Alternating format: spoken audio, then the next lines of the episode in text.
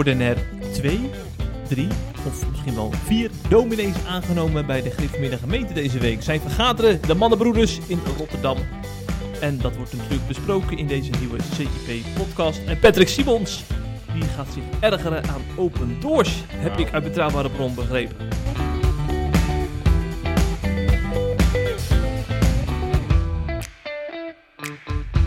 Dat klopt, Jeffrey. Kijk eens aan. Maar we gaan ons niet alleen maar ergeren. We zijn natuurlijk ook mensen die eh, nieuwsberichten duiden. En ook bezorgd zijn over situaties zoals in eh, Nigeria. Hè? Daar gaan we het natuurlijk ook nog over hebben. ja. Verschrikkelijk wat onze broeders en zussen daar doormaken. Ja, en niet alleen in Nigeria. Gaan, we nog, eh, gaan we nog horen. Maar gaan we ons eerst wel ergeren. In de rubriek De Ergernis van de Week.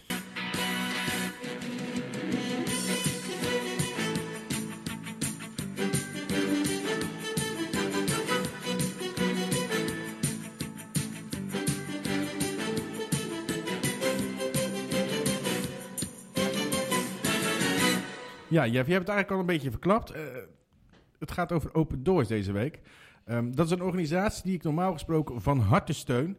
Uh, vervolgde christenen, daar komen zij voor op. Dat is een onderwerp waar ik me ehm, best wel veel mee bezighoud. Voor, voor, voor CIP natuurlijk, maar ook wel privé. Ehm, ik vind het namelijk ontzettend belangrijk. Met name omdat ik vind dat er in andere media en überhaupt in de maatschappij in Nederland... veel te weinig aandacht is voor uh, vervolgde christenen. Terwijl het de grootste vervolgde minderheidsgroep in de wereld is. En toch maken we er ons amper druk om. Want we maken ons drukker over het idee van het Hoge Rechtshof in Amerika om wetgeving over abortus democratisch te maken. We maken ons druk over een Hongaarse premier die niet wil dat kinderen worden bedolven onder LHBTI propaganda enzovoort. Maar hier maken we ons eigenlijk nauwelijks druk om. Daar hebben we het al vaak over gehad natuurlijk, maar dat wil ik nogmaals even benadrukken. Goed, er is me de laatste tijd iets opgevallen bij Open Doors.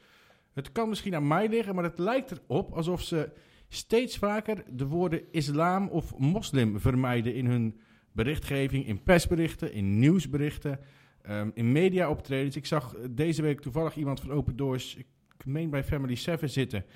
Um, en nieuwe woordvoerder is dat. Ah, dat is een nieuwe woordvoerder. En die sprak over de groep Boko Haram. Nou, ik zou zeggen, gebruik gewoon uh, de term extremistische moslimorganisatie of terroristische islamieten. Dat past beter. Het is niet zomaar een groep. Um, en datzelfde zie ik best wel vaak, opvallend vaak terug de laatste tijd in, in nieuwsberichten op de website, in persberichten die we toegestuurd krijgen. Het is misschien toeval, maar ik zou er toch wel even um, op willen roepen om daar echt op te letten. Want ik zou zeggen, zachte, zachte heelmeesters maken stinkende wonden. Ja, daar is die. Um, en uh, ik vind dat we het beest altijd bij de naam moeten noemen. En in dit geval, als het om christenvervolging gaat, is de islam absoluut het beest. Moslims zijn namelijk de oorzaak van massale christenvervolging wereldwijd. Het is voor het overgrote deel de islam die christenen onderdrukt, discrimineert, vervolgt, ontvoert, verkracht, vermoordt. Punt. En uh, als je niet uh, mij op mijn woord gelooft, dan zou ik zeggen: kijk dan even de ranglijst christenvervolging na van diezelfde Open Doors. Um, de volledige top 20 op vier landen na zijn namelijk islamitische landen. En van de top 9 van die ranglijst, dat zijn dus de, de negen landen waar christenen het meest en het uh, in meest intensief vervolgd worden. Van de volledige top 9 is alleen Noord-Korea niet islamitisch. Dat is een feit, dat moet je benoemen en dat moet je zeker niet uh, uh, gaan negeren.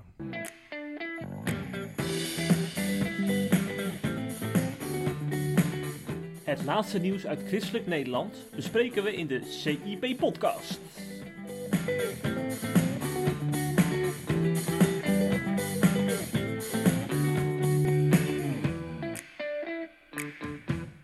Weet je waar we zo naartoe gaan, Patrick? Naar welke mooie stad? Wij gaan zo meteen naar een voetbalwedstrijd, toch? Ja, ja. En die is in? Rotterdam. Ja, de havenstad. Maar veel mensen vergeten dat er niet alleen gevoetbald wordt vandaag daar. Er wordt ook vergaderd. Ja, niet door ons, hè? En gebeden. Hè? Niet, niet door ons. Nee, nee, niet door ons, nee. Door de curatoren van de uh, Theologische School van de Griffmiddag Gemeente. Ja, die zitten in, Rotterdam. In de Boezem Singelkerk. Een rare plaats, waarom een rare locatie? Waarom zitten ze daar? Die zitten al, ja, ik heb geen idee. Maar waarom? Dat. Dan hoeft dominee de Heer niet te vet te rijden vanaf Middelburg. ja, midden, midden afgesproken. ja, ja. ja. Nou ja, het is in ieder geval uh, traditie dat ze daar elk jaar in mei dus bijeenkomen. Drie dagen lang. Ze zijn maandag al begonnen. Is vandaag de derde dag dus. We moeten wel eventjes de, de tussenstand in de gaten houden. Er zijn inmiddels twee dominees aangenomen.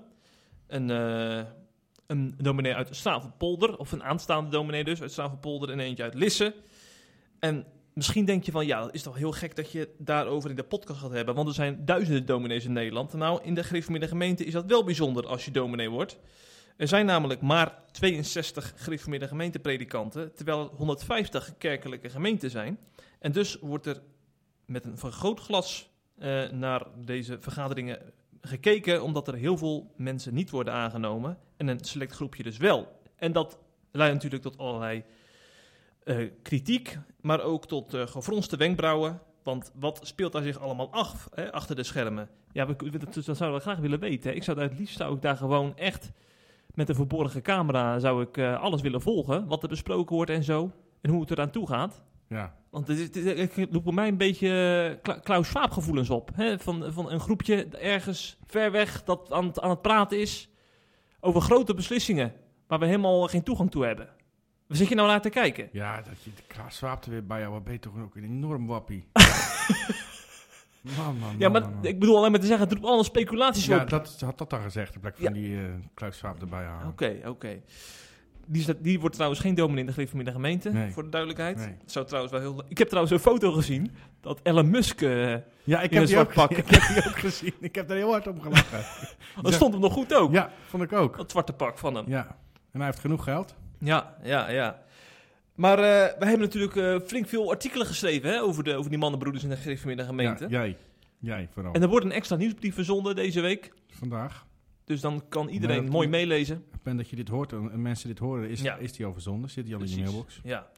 Maar misschien is het toch wel even goed om te benoemen waarom nou er zoveel kritiek is op, op die eh heren curatoren. Hè? Ja. Eh, want we hebben natuurlijk afgelopen jaren ook met veel insiders gesproken, off the record. Mensen die eh, dat ook met argusogen bekijken en zelf ook van de GGM lid zijn. Dus het is niet zo dat het allemaal van buitenaf is. En er wordt dus door een ambtsdager gezegd eh, dat eh, tijdens die beoordelingsgesprekken dat zuivere en onzuivere motieven onvermijdelijk door elkaar heen lopen. Eh, want mensen worden natuurlijk niet beoordeeld op basis van een, een cv of zo, of op basis van of ze goed kunnen preken, maar ook op basis van of ze een roepingsverhaal hebben. Hè? Ja, ja nou, dat rest ook wel, hè. Ik, ik, heb, dat, ik, heb een paar van jouw artikelen zitten lezen, maar Ja. ik zag ook dat, er, dat ze kijken naar hoe je gezin is en zo. Hoe je gezin is. Ja, wat je gezinssituatie is, Ja, hoeveel kinderen je hebt en, precies. enzovoort. Ja, ja. Dus het is nogal een, eh, een screening, hè. Een screening. Dan kunnen de, het leger en de politie nog een puntje aan zuigen, volgens mij. Dat gaat er heel anders aan toe. Hè? Nou, En dan gaat het, dat duurt 15 à 20 minuten. En daarin moet je eigenlijk je moet dus in 15 à 20 minuten vertellen hoe je door God geroepen bent. ja. Ik, volgens mij er zijn mensen die er twee uur voor nodig Ja. hebben. Maar dan gaan zij dus ook bepalen of, of God je Nou, opgeroepen ja. heeft of niet. Hey, het is natuurlijk zo, van tevoren wordt natuurlijk wel om inzicht gebeden. Hè, want men, men gelooft dat, dat het een, een proces van een leiding van de Heilige Geest is. Hè? En dan is natuurlijk de vraag of die mensen herkennen dat het, dat het een oprecht Hm. geloofsverhaal is. Of dat iemand... eh, Dus de Heilige Geest die vindt alleen, ehm, uit, alleen eh mannenbroeders die dominee willen uit de rechterflank eh oprecht. Ja, dat is natuurlijk ook veel gehoorde kritiek Ja. inderdaad. Want eh, die negen curatoren komen al dat- eigenlijk dat is- allemaal uit, dat- uit de ja. rechterflank. En dan ook nog eens mensen die worden aangenomen zijn ook voornamelijk toch Ja. wel behoorlijk rechts. Ja, nou dat, dat, daardoor ja, durf ik, waag ik het te betwijfelen of dat nou echt allemaal zo geestelijk is. Of dat het Ja. gewoon, eh, eh, het is ook, ja, ik vind het sowieso heel, heel ehm, bijzonder dat mensen over andere mensen gaan beslissen of zij, of hun roeping tot God oprecht is. Hè? Dat mensen, ik, ik vind ook niet dat andere mensen mogen beslissen of een bekering echt is of niet. Dat zie je ook wel een beetje in die kring. Hè? Dan gaan ze toetsen of een bekering echt is. Ik denk, joh, laat dat lekker aan God over. Ja. En, En- vervolgens zie je dat die, do- die mensen die worden afgewezen in andere kerken dominee Ja. worden. Ja. Dus ja, wat- het komt toch op hetzelfde neer, Ja. zou je zeggen? Ja. ja. Ja, naar de dingen, naar de herstel, daar gaan ze vaak, hè? Het is toch een beetje dezelfde kerk. Ja, vaak wel, vaak wel, ja. Maar die twee die worden aangenomen, dat is wel leuk om te noemen. Eentje is eh, de heer Blok uit Snavelpolder. Die heeft zes kinderen, verkoopadviseur, heeft een eigen kledingbedrijf. En zijn jongere broer en zijn vader zijn dominee in de. Jongen. Dus dat ziet er heel mooi uit. Dan kan hij een beetje oefenen met, met, met hun eh, als hij dadelijk de eerste gemeente in mag. ik zie ze staan ook, ja. Ja, en de tweede, dat is de heer De Jong uit Lisse. Zelfstandig ondernemer, vier kinderen. En 1989, dat is onze generatieman. Die, Maar wat- die is wat- 33. Die is jonger dan ik. Dat is een jonge gast. Jongen, maar wat, wat doet, wat voor zelfstandig ondernemer? Ja, dat stond er niet bij. Want is, ik, eh, ik, iemand zei dus op Twitter tegen mij, dan weet ik niet hoe serieus ik dat kan nemen. Ik dacht dus, ik ken iemand op Twitter, die ken jij ook. Ehm, ik heb hem al een paar keer in de podcast genoemd, zonder naam. Ehm, die komt uit Lisse, eh, die is heel actief op Twitter. We quoten hem ook vaak in artikelen. Gertwim de Bom. Oh ja, Dam. ja, ja. Eh, en ik dacht, dat is hem hè. Hij, is, eh, hij komt uit Lisse en hij is zelfstandig ondernemer. Ik denk, Ah. ha, daar hebben we hem. Maar hij is, ehm, dat wist ik eigenlijk ook wel. Hij, is al, hij was vroeger wel gereformeerde gemeente, maar hij is nu naar de CGK gegaan. Mhm. Ehm, maar ik, ik zei dat dus tegen hem en toen, ging het, toen vertelde hij dat hij hem ook kende. En toen zei iemand anders, tegen, oh nee, dat zei hij zelf ook trouwens. Hij zei zelf, ehm, het is wel bijzonder voor gereformeerde gemeentebegrippen dat een personal trainer is toegelaten. Dus schijnbaar is hij personal trainer. Aha, aha, dat weet hij dan weer. Dus in dat geval, voor geestelijke wijsheid Hmm. wend ik me tot andere mensen. Maar als hij mij kan helpen om wat fitter te worden, be my guest. ja, ja, ja, ja. En maar, eh, nog even de laatste tussenstand. Ik heb, want ik krijg wel een appje van Isaac Heijboer als er een dominee wordt, eh, als er een student wordt toegelaten. Ja, dat is een echte. Dat is een echte gegemme die het ook tot op de minuut volgt. En ik heb nog geen appje vandaag gehad. Dus nog altijd zijn er maar twee aangenomen. Het is de laatste vergaderdag, hè? Ja, en twee is toch wel een magere score, hoor, als het hierbij Ja. blijft. Dus ik hoop dat er nog een derde bij komt. Ja. Anders wordt dat predikantentekort natuurlijk helemaal niet opgelost, hè, op deze Ja, manier. dat wordt een, ja. Gebed zonder end, zullen we maar zeggen. Dat is eh, positief, hè? Toch? Dat is toch positieve insteek? Gebed zonder end, dat is geen positief insteek hoor. Nou, dat wil dat geeft aan dat er nog wel gebeden wordt. Ja, ja dat wordt wel een gereformeerde gemeente. Ja. Vaak lang. Hé, maar ik ben even de draad kwijt. Waar gaan we nou naartoe? Naar Rotterdam. Ja, wij met z'n tweeën gaan Ja. naar Rotterdam. maar we moeten wel wat bespreken. Ja, ik heb, ja ik heb, we gaan naar Amerika. Oh, Naar Californië. En dat is, eh, vorige week eh, kwam er een bericht op onze website. Onze collega Patrick Goede schreef dat. Ehm dat is een heel, nou, ik zou zeggen, naar bericht. Er is namelijk een driejarig meisje overleden ehm, na een mislukte duiveluitdrijving. En haar moeder is inmiddels opgepakt. Wat is er gebeurd? Dat meisje dat werd vaak s'nachts wakker. Ehm, en dan huilde ze, kreeg ze huilbuien, lange huilbuien. En die moeder eh, die was ervan overtuigd dat dat kwam omdat ze bezeten was door de duivel. En wat heeft ze vervolgens gedaan? Ja, het is te ziek voor woorden als je het hoort, eh, Jeffrey. Ehm, ze was er zo van overtuigd dat haar kind door een boze geest bezeten was, dat ze haar vinger diep in de keel van haar dochter duwde, terwijl ze de nek van het kind plat drukte om haar te laten overgeven. Ze dacht dat ze overgeeft, dan is die boze geest schijnbaar weg. Ehm, ze heeft haar ook eh, hard op haar keel gedrukt met haar handen. Ehm, het kind liep daar blauwe plekken op, op haar ogen, op haar hals, op haar nek, rond haar borst. Dus het is gewoon mishandeling, laten we het eh, niet zeggen zoals het is. Vervolgens is ze naar haar kerk gegaan. Dat is een, hoe kan het ook anders, een pinkstergemeente in eh, Santa Clara, dat is in de staat Californië. En haar vader, dus dat is de opa van het meisje, die is daar, eh, was daar, is daar, was, is voorganger. En daar zijn ze eigenlijk doorgegaan met, tussen aanhalingstekens, de duivel uitdrijven. Op dezelfde manier, met dat kindje mishandelen. En daarbij is dat kindje dus uiteindelijk eh, s ochtends overleden. Ehm, en de moeder is opgepakt als verdachte, omdat ze gewoon zegt dat is natuurlijk gewoon moord. Het is een bizar nieuwtje. Ehm, ja, het is te bizar voor woorden. En dat zijn dus mensen die zich, die zich christen eh, eh, noemen. Ja, ik vraag me altijd af, zouden ze nou... Ja, die mensen zijn toch muziek? Ja, maar laten we er wel van uitgaan dat ze niet het, idee had dat ze de kind wilde vermoorden. Dus laten we van eh, oprechte motieven uitgaan. Dus er zit, er een theologische gedachte achter dan. Want in, in die kringen wordt natuurlijk ook heel vaak eh, gesproken hè, over eh duiveluitdrijvingen, over demonen en de, de geestelijke wereld. En op een gegeven moment, als je er zo diep in zit. Ja, nou ja, jij zegt dat... Ik, ik was nog niet klaar, Ja. want eh, misschien denk je er nu wat anders over. Mm. Eh, wat, ik, wat ik al zei, hè, ze is, de moeder is opgepakt voor moord, of in ieder geval moord, eh, als verdachte van, in ieder geval betrokkenen bij de dood van dat meisje. Driejarig meisje is, is echt ongelooflijk. Als ik, als, ik, als ik het zeg, dan val ik bijna En mijn stil. zoontje wordt drie dit jaar. Ja, dus- precies. Dan moet je nagaan. Dat hij straks een beetje huilt en dat jij dan denkt, ik ga de duivel uitdrijven. Maar goed, ehm, uit het autopsierapport blijkt dat ze is gestorven door verstikking. Dus ze is gewoon zo hard op de keel gedrukt dat ze is gestikt. Ehm, en, en nu komt het, eh, vlak voor haar arrestatie sprak die moeder een boodschap in op YouTube. En daarin, want jij zegt laten we uitgaan van goede bedoelingen. Mhm. Maar in die boodschap, toen- toen was, ze dus al, al, was het kind al overleden, al geruime tijd zelfs. Ehm, in die boodschap lijkt ze totaal niet verdrietig te zijn om de dood van het kind. En ik quote: Ik kan hier sip en negatief gaan zitten zijn omdat ze overleden is. Maar dat heeft geen zin, want het is zoals het is. Er zijn verschillende redenen waarom God haar wegnam. Wat als haar iets overkomen was? Wat als ze ziek was geworden? Het is wat het is.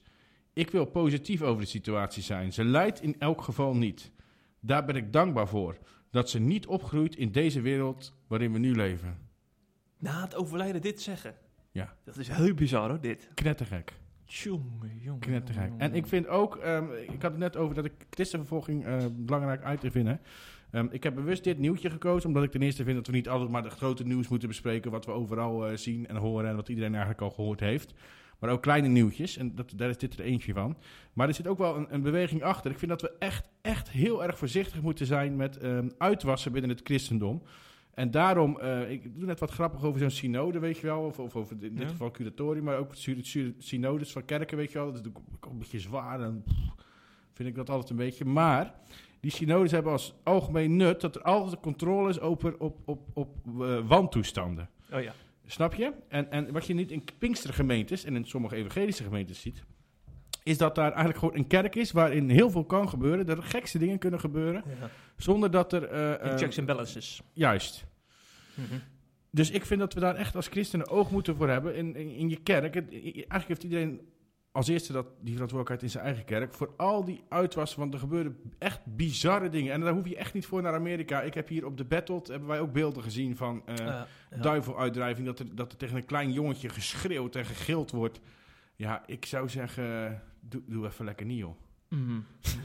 ja, ja, Ja, het is echt bizar. Laten we, laten, we dat, laten we daar ook aandacht aan blijven geven. Ja, maar ook, ook aan, aan gezonde theologie. Hè? Want die mensen hebben tientallen jaren van die, van die Ja. bizarre belezingen en preken gehoord. Daar komt het voort. En dan, dan, eh, dan heb je ook geen... Ja. Ja, hoe zeg je dat? Dan heb je ook niet een stok achter de deur Juist. van, van eh, misschien ben ik verkeerd bezig of zo. Juist. En gezonde theologie begint bij een gezonde theologische opleiding. En of je dat nou doet op zo'n manier zoals we net bespraken bij de, gemeente, dat er maar een paar worden toegelaten. Mm. Of zoals in andere kerken, zoals de PKN en, en de CGK, dat is in Apeldoorn, hè, dat, dat eigenlijk iedereen eh, wel de theologieopleiding kan gaan doen, maar dat je daarna, eh, bij de CGK wordt daarna wel gecheckt of je dominee kan worden of niet. Hè? Na de opleiding wordt dat toch Ja. gedaan. Ja. En met PKN kan iedereen het. Ehm, maar die hebben wel allemaal een gedegen theologische opleiding. Zij het met, vers- met verschillende accenten, maar wel een gedegen theologische opleiding. En dit soort wantoestanden zie je toch, ehm, dat kan je niet anders dan constateren, zie je toch altijd in kringen en kerken waar mensen ehm, een theologie hebben ontwikkeld, zelf hebben ontwikkeld schijnbaar, of van hun vader hebben eh, meegekregen. Dat zie je ook vaak in generaties. Zonder dat ze echt een gedegen theologische opleiding hebben gevolgd. Mm. Dus dat is belangrijk. Helaas gebeuren ook dicht bij huis ernstige dingen. Eh dat is alweer een paar weken geleden, maar in Alblasserdam. We hebben, we hebben daarom een, een positieve podcast vandaag. Ja, ja.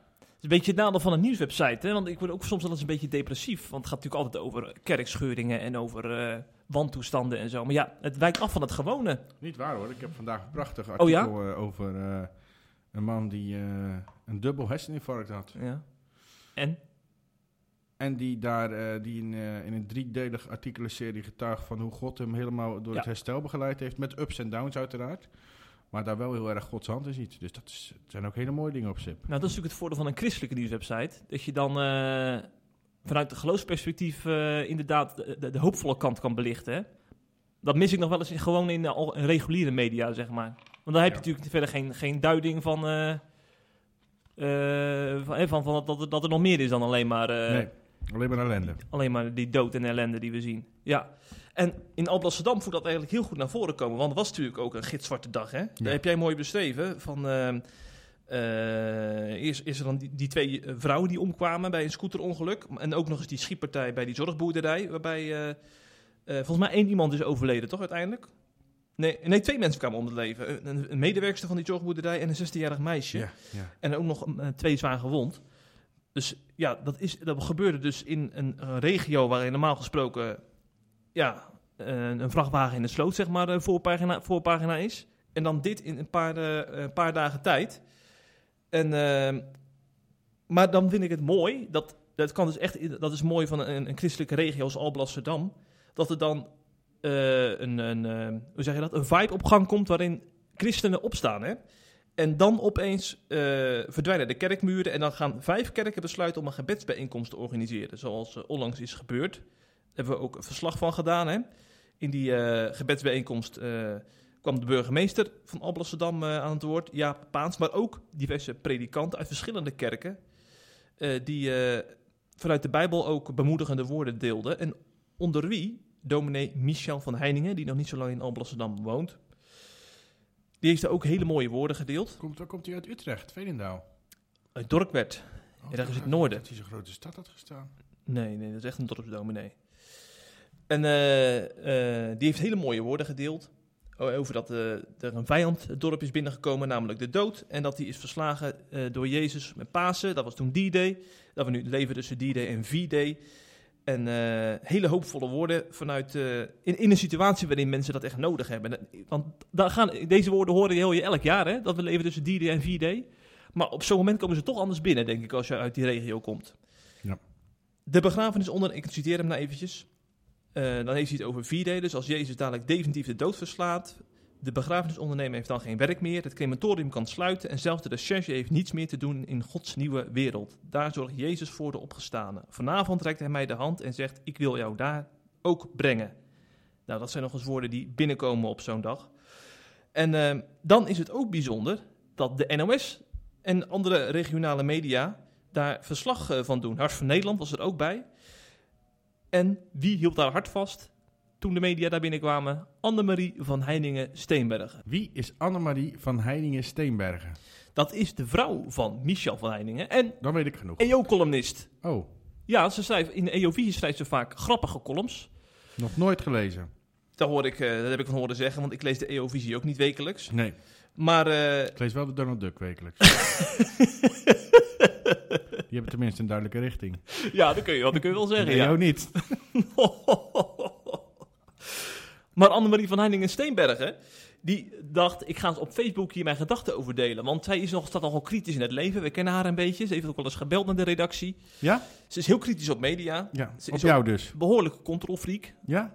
Ja, als zij, als zij een interview met haar doet, dan wil ze eh, van A tot Z wil ze alles eh, beoordelen en lezen. Ik heb niet het idee dat jij positieve ervaringen met haar hebt.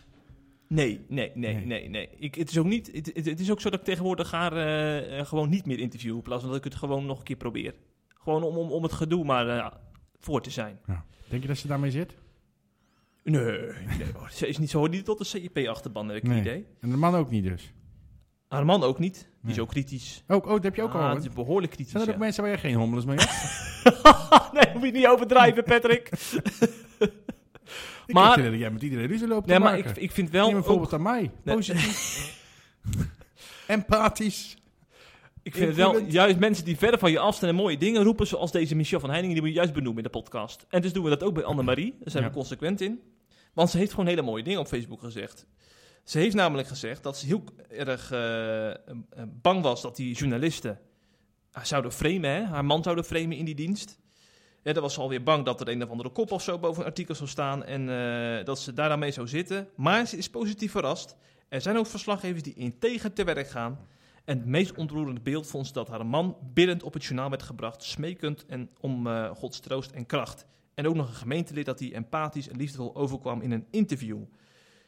En ik snap die Annemarie wel, want als jij eh, nog eens terugdenkt aan hoe christen in het nieuws zijn gekomen de laatste jaren, hè, zoals in Urk en Krimpen met, eh, met die coronatoestanden, Ja. dat ze werden Ja. belaagd. Nou is Dat ze ook iets heel anders. Tuurlijk. Ehm, ze heeft overigens helemaal gelijk. Het was ook trouwens, ehm, ik weet, ik, het was ook een hele indrukwekkende dienst. ja, je hebt het Dus, gezien. eh, ja, dus ik weet niet zo goed. ehm, eh, ik snap, als je daar heel dichtbij betrokken bent, zoals, dus je bent, de, de, je bent daar gemeentelid, je woont daar, je bent ook nog eens de partner van de predikant, dan snap ik best wel dat je denkt van, oh, oh, als dat maar goed gaat, weet je wel, als ze Ja. maar niks negatiefs gaan framen. Ehm, maar dat, dat, daar viel niks negatiefs te framen. Zo, Nee. zo mooi en indrukwekkend het was is die natuurlijk anders dan, dan, dan het over coronaregels gaat, Ja, inderdaad, in de kerk. Of dat er een journalist wordt aangevallen. Ja. Snap je? Dat, dat, dat, dat gaat over negativiteit. Dit gaat over iets heel teers en een vreselijke gebeurtenis. Ehm, en je ziet altijd, eigenlijk in heel de geschiedenis, zelfs in een gesecula- geseculariseerde tijd en samenleving zoals nu, dat op het moment dat er erge dingen gebeuren, of het nou oorlog is, kijk naar Oekraïne, of, of zoiets zo lokaal, zo'n drama, ja. dat dan de kerk altijd, een, of heel vaak, een, een hele centrale rol speelt in, Mhm. in, in, in de periode daarna. Dus dat mensen daar troost gaan zoeken, dat daar vaak kaarsjes eh, worden gebrand, dat er, ook als protestante kerk is, dat er een condolenceregister is, dat de kerk de deuren opent om met elkaar te praten. hebben ze daar ook gedaan gelijk, hè? Dat er zo'n gebedsdienst wordt georganiseerd, dat zie je vaak, toch wel, in Oekraïne zie je ook dat het aantal gelovigen toeneemt nu, hè? De, dus vaak zie je, als er zoiets ergs gebeurt, dat de kerk een hele belangrijke ehm, een bindende rol speelt. En dat ziet de media ook. En die, daar, daar ga je niet, daar kan je niet negatief over schrijven. Als je dat doet, dan ben je echt... Dan ben je slecht dan ben je, eigenlijk. Dan ben je slecht. Ja, ja, ja. Maar toch schrok ik er dan van, van de vooroordelen die Annemarie eh, van Heiningen van tevoren had. Dan denk ik van, dan staat ons, onze beroepsgroep staat er niet goed op. Als je dit al van tevoren allemaal in je hoofd hebt, van, Ja. als gaan ze me niet framen. Eh, Ja. Ja, nou ja, misschien is het een beetje wantrouwend. Ja. Ja. En ik snap het dat ook wel weer een beetje, maar dat, misschien is dat ook wel een beetje haar karakter. Dat weet ik niet, ik ken haar verder niet. Jij wel. Ja, ja, ja. Ja, ze kan heel wel trouwens zijn. Maar ik denk, ik, ik probeer dan ook in de spiegel te kijken van... eh, Dat zou ik eh, niet in jouw geval. nee, dat schrik je van. Nee, maar zijn, zijn we dan... eh, ik, ik, ik schaam me nu even ook onder die journalisten die dominee Kort hebben geframed in Krimp aan de IJssel en eh, kerkgangers die coronaregels overtreden. Oh, je Want- noemt me- ik noem mezelf nooit journalist. Nee, wat ben je dan? Stukje sticker. Stukje stikken. Ja, we zijn, we zijn echte bureau-tijgers. Ja. Maar ik, ik, probeer, ik probeer ook wel te denken van... eh, doe ik, doe ik, als, ik, als ik nou verslag doe over een kerkelijke vergadering of zo... ben ik dan alleen maar al die negatieve dingen aan het uitmelken? Of ik wil ook niet zo overkomen zoals eh, dat je zo'n voordeel krijgt van... heb je die, heb je die gast weer? Dat ze niet met Ja. je willen lunchen als je bij een Ja. conferentie komt. Is dat wel eens gebeurd? Nou, nee, dat niet letterlijk. Maar mensen, mensen kijken toch een beetje van... joh, die is van CIP. Hm. Dat is de, die gaan toch een beetje met meel in de mond praten ja. opeens. Ja, ik heb dat ook wel eens gehad, ja. Dus misschien moeten we Nee, dat... Ja. Dat is niet goed. Ik bedoel, eh, De we vraag, zijn is toch of dat, ja, maar de vraag is of dat komt door hoe wij nu werken of door het komt hoe eh, er in het verleden gewerkt werd bij het CIP. Ik denk dat dat tweede ook wel heel, heel veel meespeelt. dat wij in toch het, te ver- in veel... het verleden werd er wat anders gewerkt bij ons. Hè. Er was wel wat meer relletjes. Ja, meer relletjes. ja. Ehm, Grote koppen. ja, Ja. Want ik hoop, ik hoop toch wel dat mensen ons ook op een gegeven moment gaan vertrouwen. Van, eh, ja, maar wij deden toch ook heel vaak hele mooie verhalen. ja, ja, ja, ja. Zeker. Nou, je hebt net gedeeld, hè, Arie Zwitser. Een mooie serie. Mooie Ja. serie doen we ook vaak, hè? Ja, en dan komt eh, na Arie Zwitser, dit is de komende drie weken op CIP. En daarna komt eh, Kees van Helden. Hm. Ook een serie van drie artikelen, of misschien wel vier. En het wordt ook een fantastische eh, serie. Ook weer heel mooi en positief. Die, verdeelt- die, deelt, als een, eh, die deelt een aantal bijzondere verhalen uit zijn, de lange periode dat hij voor Schreeuw om Leven werkzaam was. Hè? Mhm. Eh, bijzondere verhalen waarin hij God aan het werk heeft gezien, waarin hij bijzondere dingen heeft zien gebeuren. En dat, elke week hebben we toch wel meerdere van zulke artikelen hoor. Sterker nog, we zijn zelfs een keer in Nigeria geweest om bijzondere verhalen Ja. te maken. Daar hebben we acht getuigenissen eh, Ja, opgeschreven daar. ja. Dat kan je nou beter niet zijn, hè? Nee, nee. Jij doelt natuurlijk op die, eh, die studenten die eh om Ja. het leven is gebracht. Wat is er gebeurd? We zien het geweld de laatste jaren sowieso heel erg toenemen in Nigeria tegen christenen. Ehm, en vorige week gebeurde er werkelijk waar iets verschrikkelijks. Er is een 25-jarige christelijke vrouw ehm, door haar islamitische medestudenten gelyncht. Ehm, wat was namelijk het geval? Ze vertelde, ze zei in een appgroep, een appgroep van de universiteit, die eigenlijk bedoeld was voor, eh, ehm, om dingen te delen over de studie. Daar werden wat islamitische dingen, wat, wat religieuze propaganda ingezet. En ehm, daar zouden ze op gereageerd hebben. Er zijn verschillende verhalen over wat er nou precies gebeurd is. Andere eh, bronnen zeggen dat ze in een eh, appgroep stelden dat Jezus de grootste is. En weer andere bronnen zeggen dat, ze, dat iemand haar vroeg... hoe heb je het voor elkaar gekregen dat je al je examens hebt gehaald? En dat ze zei, Jezus heeft me geholpen. Hoe dan ook, ze heeft iets gezegd in die appgroep... ehm, waardoor eh, de islamitische medestudenten, haar islamitische medestudenten, woedend waren. Want in een land als Nigeria betekent het eigenlijk, eh, als je zoiets zegt, eh, automatisch dat er een levensgevaarlijke situatie ontstaat. Nou, wat was vervolgens het geval? Afgelopen donderdag, donderdag 12 mei. ehm, is dat al vorige week? Is dat alweer twee weken terug? Nee, afgelopen donderdag. Ja, afgelopen Eh, donderdag 12 mei gingen ze haar, dus naar haar op zoek bij de universiteit. Ehm, de universiteit heeft nog geprobeerd om haar te beschermen. Ze hebben haar ehm, ehm, eh, apart gezet in een, in een afgesloten ruimte. Een soort, soort safe house zou ik het wel willen noemen. Ehm, hebben ze haar vers- proberen te verstoppen, maar ehm, er was geen houden aan, zoals wel vaker bij een woedende islamitische menigte. Ehm, en ze hebben haar uit, dat, eh, eh, uit, dat, uit die ruimte gesleept. Vervolgens werd ze echt op een gruwelijke manier gelyncht. Ze sloeg haar met stokken, ze schopte haar, Ze gooiden met grote stenen naar haar toe en ze net zolang tot ze bewusteloos raakte. En vervolgens hebben ze haar, volgens sommige bronnen, nog levende lichaam in de brand gestoken. En dit alles terwijl ze het bekende Allah Akbar riepen. Nou, vervolgens werden beelden van, van, die, van dat vreselijke incident werden op social media gedeeld. Die gingen de hele wereld over. Ehm, en er werden twee mensen opgepakt die duidelijk herkenbaar in beeld kwamen. Ehm, nou, dan denk je dat, dat, dat daar is het wel een beetje mee afgelopen, zeg maar. Maar wat gebeurde er vervolgens? Er ging echt eh, eh, een enorme menigte, zowel in die stad waar het gebeurde, Sokoto was het uit mijn hoofd. Dat weet ik even niet. So Sokoto, ja, ik zeg het goed. Ehm, niet alleen in die stad waar het gebeurde, maar ook in andere plaatsen in, in, in Nigeria gingen overal mensen de straat op om te demonstreren. Nou, toen ik dat eerst in eerste instantie zag, dacht ik: hé, hey, dat is mooi. Ze gaan demonstreren tegen dat geweld. Maar wat blijkt nou het geval? Ze gingen de straat op om te demonstreren tegen het feit dat twee verdachten waren opgepakt. Twee Dus ze- moslims. Twee moslims. Dus ze waren boos dat mensen die een ander, die een jonge vrouw ehm, schoppen, slaan, stenigen, in de brand steken, dat die eh, worden berecht. Daar waren ze woedend over.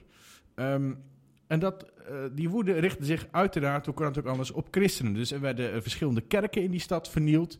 Ehm, ze zochten christelijke winkels op, van, tenminste de, de eigenaars die dan christen zijn, weet je wel. Dus winkels van, van christenen. Ook die werden vernield, die werden geplunderd. Christenen werden in hun huizen aangevallen. Het is echt ontzettend dreigend geworden. Ehm, en helaas is dat eh, eerder een regel dan een uitzondering geworden de laatste eh, jaren in Nigeria, zoals ik net al zei. Ehm Open Doors signaleert dat ook. Eh, die zegt dat de situatie steeds verder lijkt te escaleren.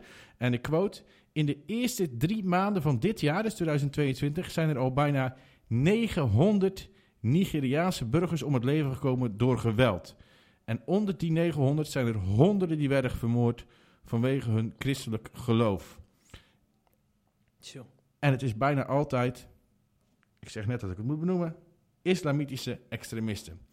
Ehm, een, een open doors onderzoeker van die regio de Sub-Sahara-regio is dat. Ilia Jadi, die eh, werd ook op de Open Doors website geïnterviewd. En die zei, Nigeria is op dit moment een van de engste landen om christen te zijn. Er is een explosie van geweld tegen christenen. Bijna dagelijks vinden er aanslagen plaats. Jammer genoeg is Nigeria een voorbeeld van wat er gebeurt in heel West-Afrika. Dus je ziet, het, het gebeurt niet alleen in Nigeria, ook die, die, die landen daaromheen, die, daar, wordt, eh, daar wordt steeds gevaarlijker voor christenen. De moslims worden daar steeds gewelddadiger, steeds extremistischer. Dat zie je ook aan die ranglijst overigens. Eh, verschillende buurlanden van Nigeria stonden tot vorig jaar of tot twee jaar geleden stonden, kwamen ze nog niet eens op de ranglijst voor. En die vinden we nu allemaal al terug tussen plaats 20 en 40 van de ranglijst, of 20 en 30. Ehm, dus die zie je langzaam maar zeker, zie je dat eigenlijk, als ik heb dat eerder, eh, heb ik daar Klaas Muurling al eens over geïnterviewd, de voormalige woordvoerder van Open Doors, of is het nog steeds? Nee, voormalig woordvoerder. Voormalig woordvoerder. En die zei toen al, dat is twee jaar terug, ehm, de, de- het islamitisch extremisme breidt zich als een olievlek over heel Afrika uit. En voornamelijk christenen ehm, zijn daar het slachtoffer van. En dat is, eh, ja, dat is vreselijk. En er is ook heel weinig aan te doen, behalve het blijven roepen, blijven melden, er aandacht voor blijven vragen. Christenen opvangen in Nederland, zou ik zeggen, die hierheen vluchten. En goed screenen, want laat moslims maar daar blijven dan. Hm, hm. Of ben ik nu een racist? Nee, nee. Dus, je komt op voor onrecht, hè? Precies. En dan, dan te bedenken dat er midden in Nigeria een trainingscentrum slash bijbelschool is... waarbij jonge christenen worden opgeleid om in die regio Ja. evangelist te worden. hè? Omdat ze zoveel liefde voor die Dat moslims zijn hebben... helden. Dat zijn dat ze het helden. evangelie daar willen delen. Dat zijn helden. Dus je ontvlu- ontvlucht het ook niet eens. Dat zijn helden. Ja, Dan mogen wij de fetus aan niet vasttrekken Nee, met onze grote ik mond. zou al lang weg zijn. Met een microfoontje voor je neus. Ja, ik ben er te laf voor om daar eh, te blijven. Ik ook. Alleen maar heel veel respect voor. Ja, ja, ja. En laten we vooral ze blijven steunen, eh, wat ik zeg, door het te blijven benoemen. Door voor ze te blijven bidden. Door organisaties als Open Doors, Hulp, vervolgde, hulp voor vervolgde christenen, SDOK. SDOK. Door dit soort organisaties te blijven steunen. Zowel financieel als op een andere manier. Eh, want op die manier blijven we er aandacht voor vragen. Sowieso. En dat is echt ontzettend belangrijk, want anderen doen het niet. Hm, hm, hm. Ik zit te bedenken, misschien moeten we Richard Groeneboom, de SDOK-woordvoerder, dus vragen voor een eh themapodcast. Want die is heel vaak in Nigeria geweest. Ja, Kunnen we eens ervaringen uitwisselen? Ja. Ik uitstekend. ga hem eens een eh, appje sturen binnenkort. Heel goed. Zeg Pet, wij moeten zo meteen naar Rotterdam. Dus wij gaan even Komen onze wij uit spullen... Rotterdam? Kun je dat niet horen dan? Dus we gaan onze spullen maar eens even inpakken. Maar we gaan niet naar Feyenoord, hè? nee, ben je voor de ge- nee, daar heb ik geen duidelijkheid. zin in. We gaan naar wat jij vindt de mooiste club van Rotterdam. En Dat dat is? Excelsior. Excelsior. Ja, de meeste Heerlijk. mensen denken dat het een korfbalvereniging is. Ja. Maar het is echt een voetbalclub en die kunnen promoveren. Gemeten aan het aantal supporters is het inderdaad eerder een korfbalvereniging. maar ik vind het altijd heel leuk om met je mee te gaan. Ja, ja, Eh, ik vind het ook ik vind het bijna cult daar. ja. Want in plaats van waar ik, ik ben het PSV-stadion gewend, zoals je weet. En Ja. dat is allemaal heel groot en massaal. En Nou, dan krijg je lauwe broodjes. Dat, die, staan, die, die worden van tevoren al gebakken, weet je Mhm. wel. En hier bij jullie heb je echt nog een kantine. ja, Zoals een bij een kantine met een amateurvereniging. voetbal, Een kantine voetbaltafel. waar ze nog net niet de kroket voor je neus bakken. weet je wel, met een voetbaltafel, een Ja. warme stroopwafels. Ja, ja, Heerlijk. Ja, ja. Ze hebben ook heel veel humor. Ook over de eigen club. Lachen ze gewoon uit. Heb ik Ja, vorige keer gezien. Ja, we hebben zelfspot. Ja, Ja. ja. Ja, Dus ik heb er heel veel zin in. Maar het begint vanavond pas. Dus we gaan eerst nog even het terrasje doen. Ja, precies. Ik doe wel alvast mijn shirt aan. Ja, doe Een zwarte Excel-shirt en nu. Prima. Oh, kleed lekker af. Zoals de mannenbroeders van de Griffie gemeente ook Ja. in het zwart zijn vandaag. Hè? Ja. Dus dat hebben we wel gemeen. Zullen we voordat we naar het terras gaan nog even langs die... eh, Curatorium. ja. Of zullen we het daarna doen? Daarna is leuk. Nou, ja. Helemaal goed. Hey, volgende week ben je er weer waarschijnlijk, hè? Volgende week, vanaf nu ben ik er elke week eh, door jouw schuld. Want? Wat, waarom mijn schuld? Nou, jij hebt je vrouw zwanger gemaakt. Ja, dat is waar. Ja, En daardoor kan jij nu elk moment ploef ja wegwezen. want ik moet dicht ze- bij het vuur blijven. Ja, want het is, eh, het, het is eh, tegen het einde hè, nu van de Ja. zwangerschap. Ja.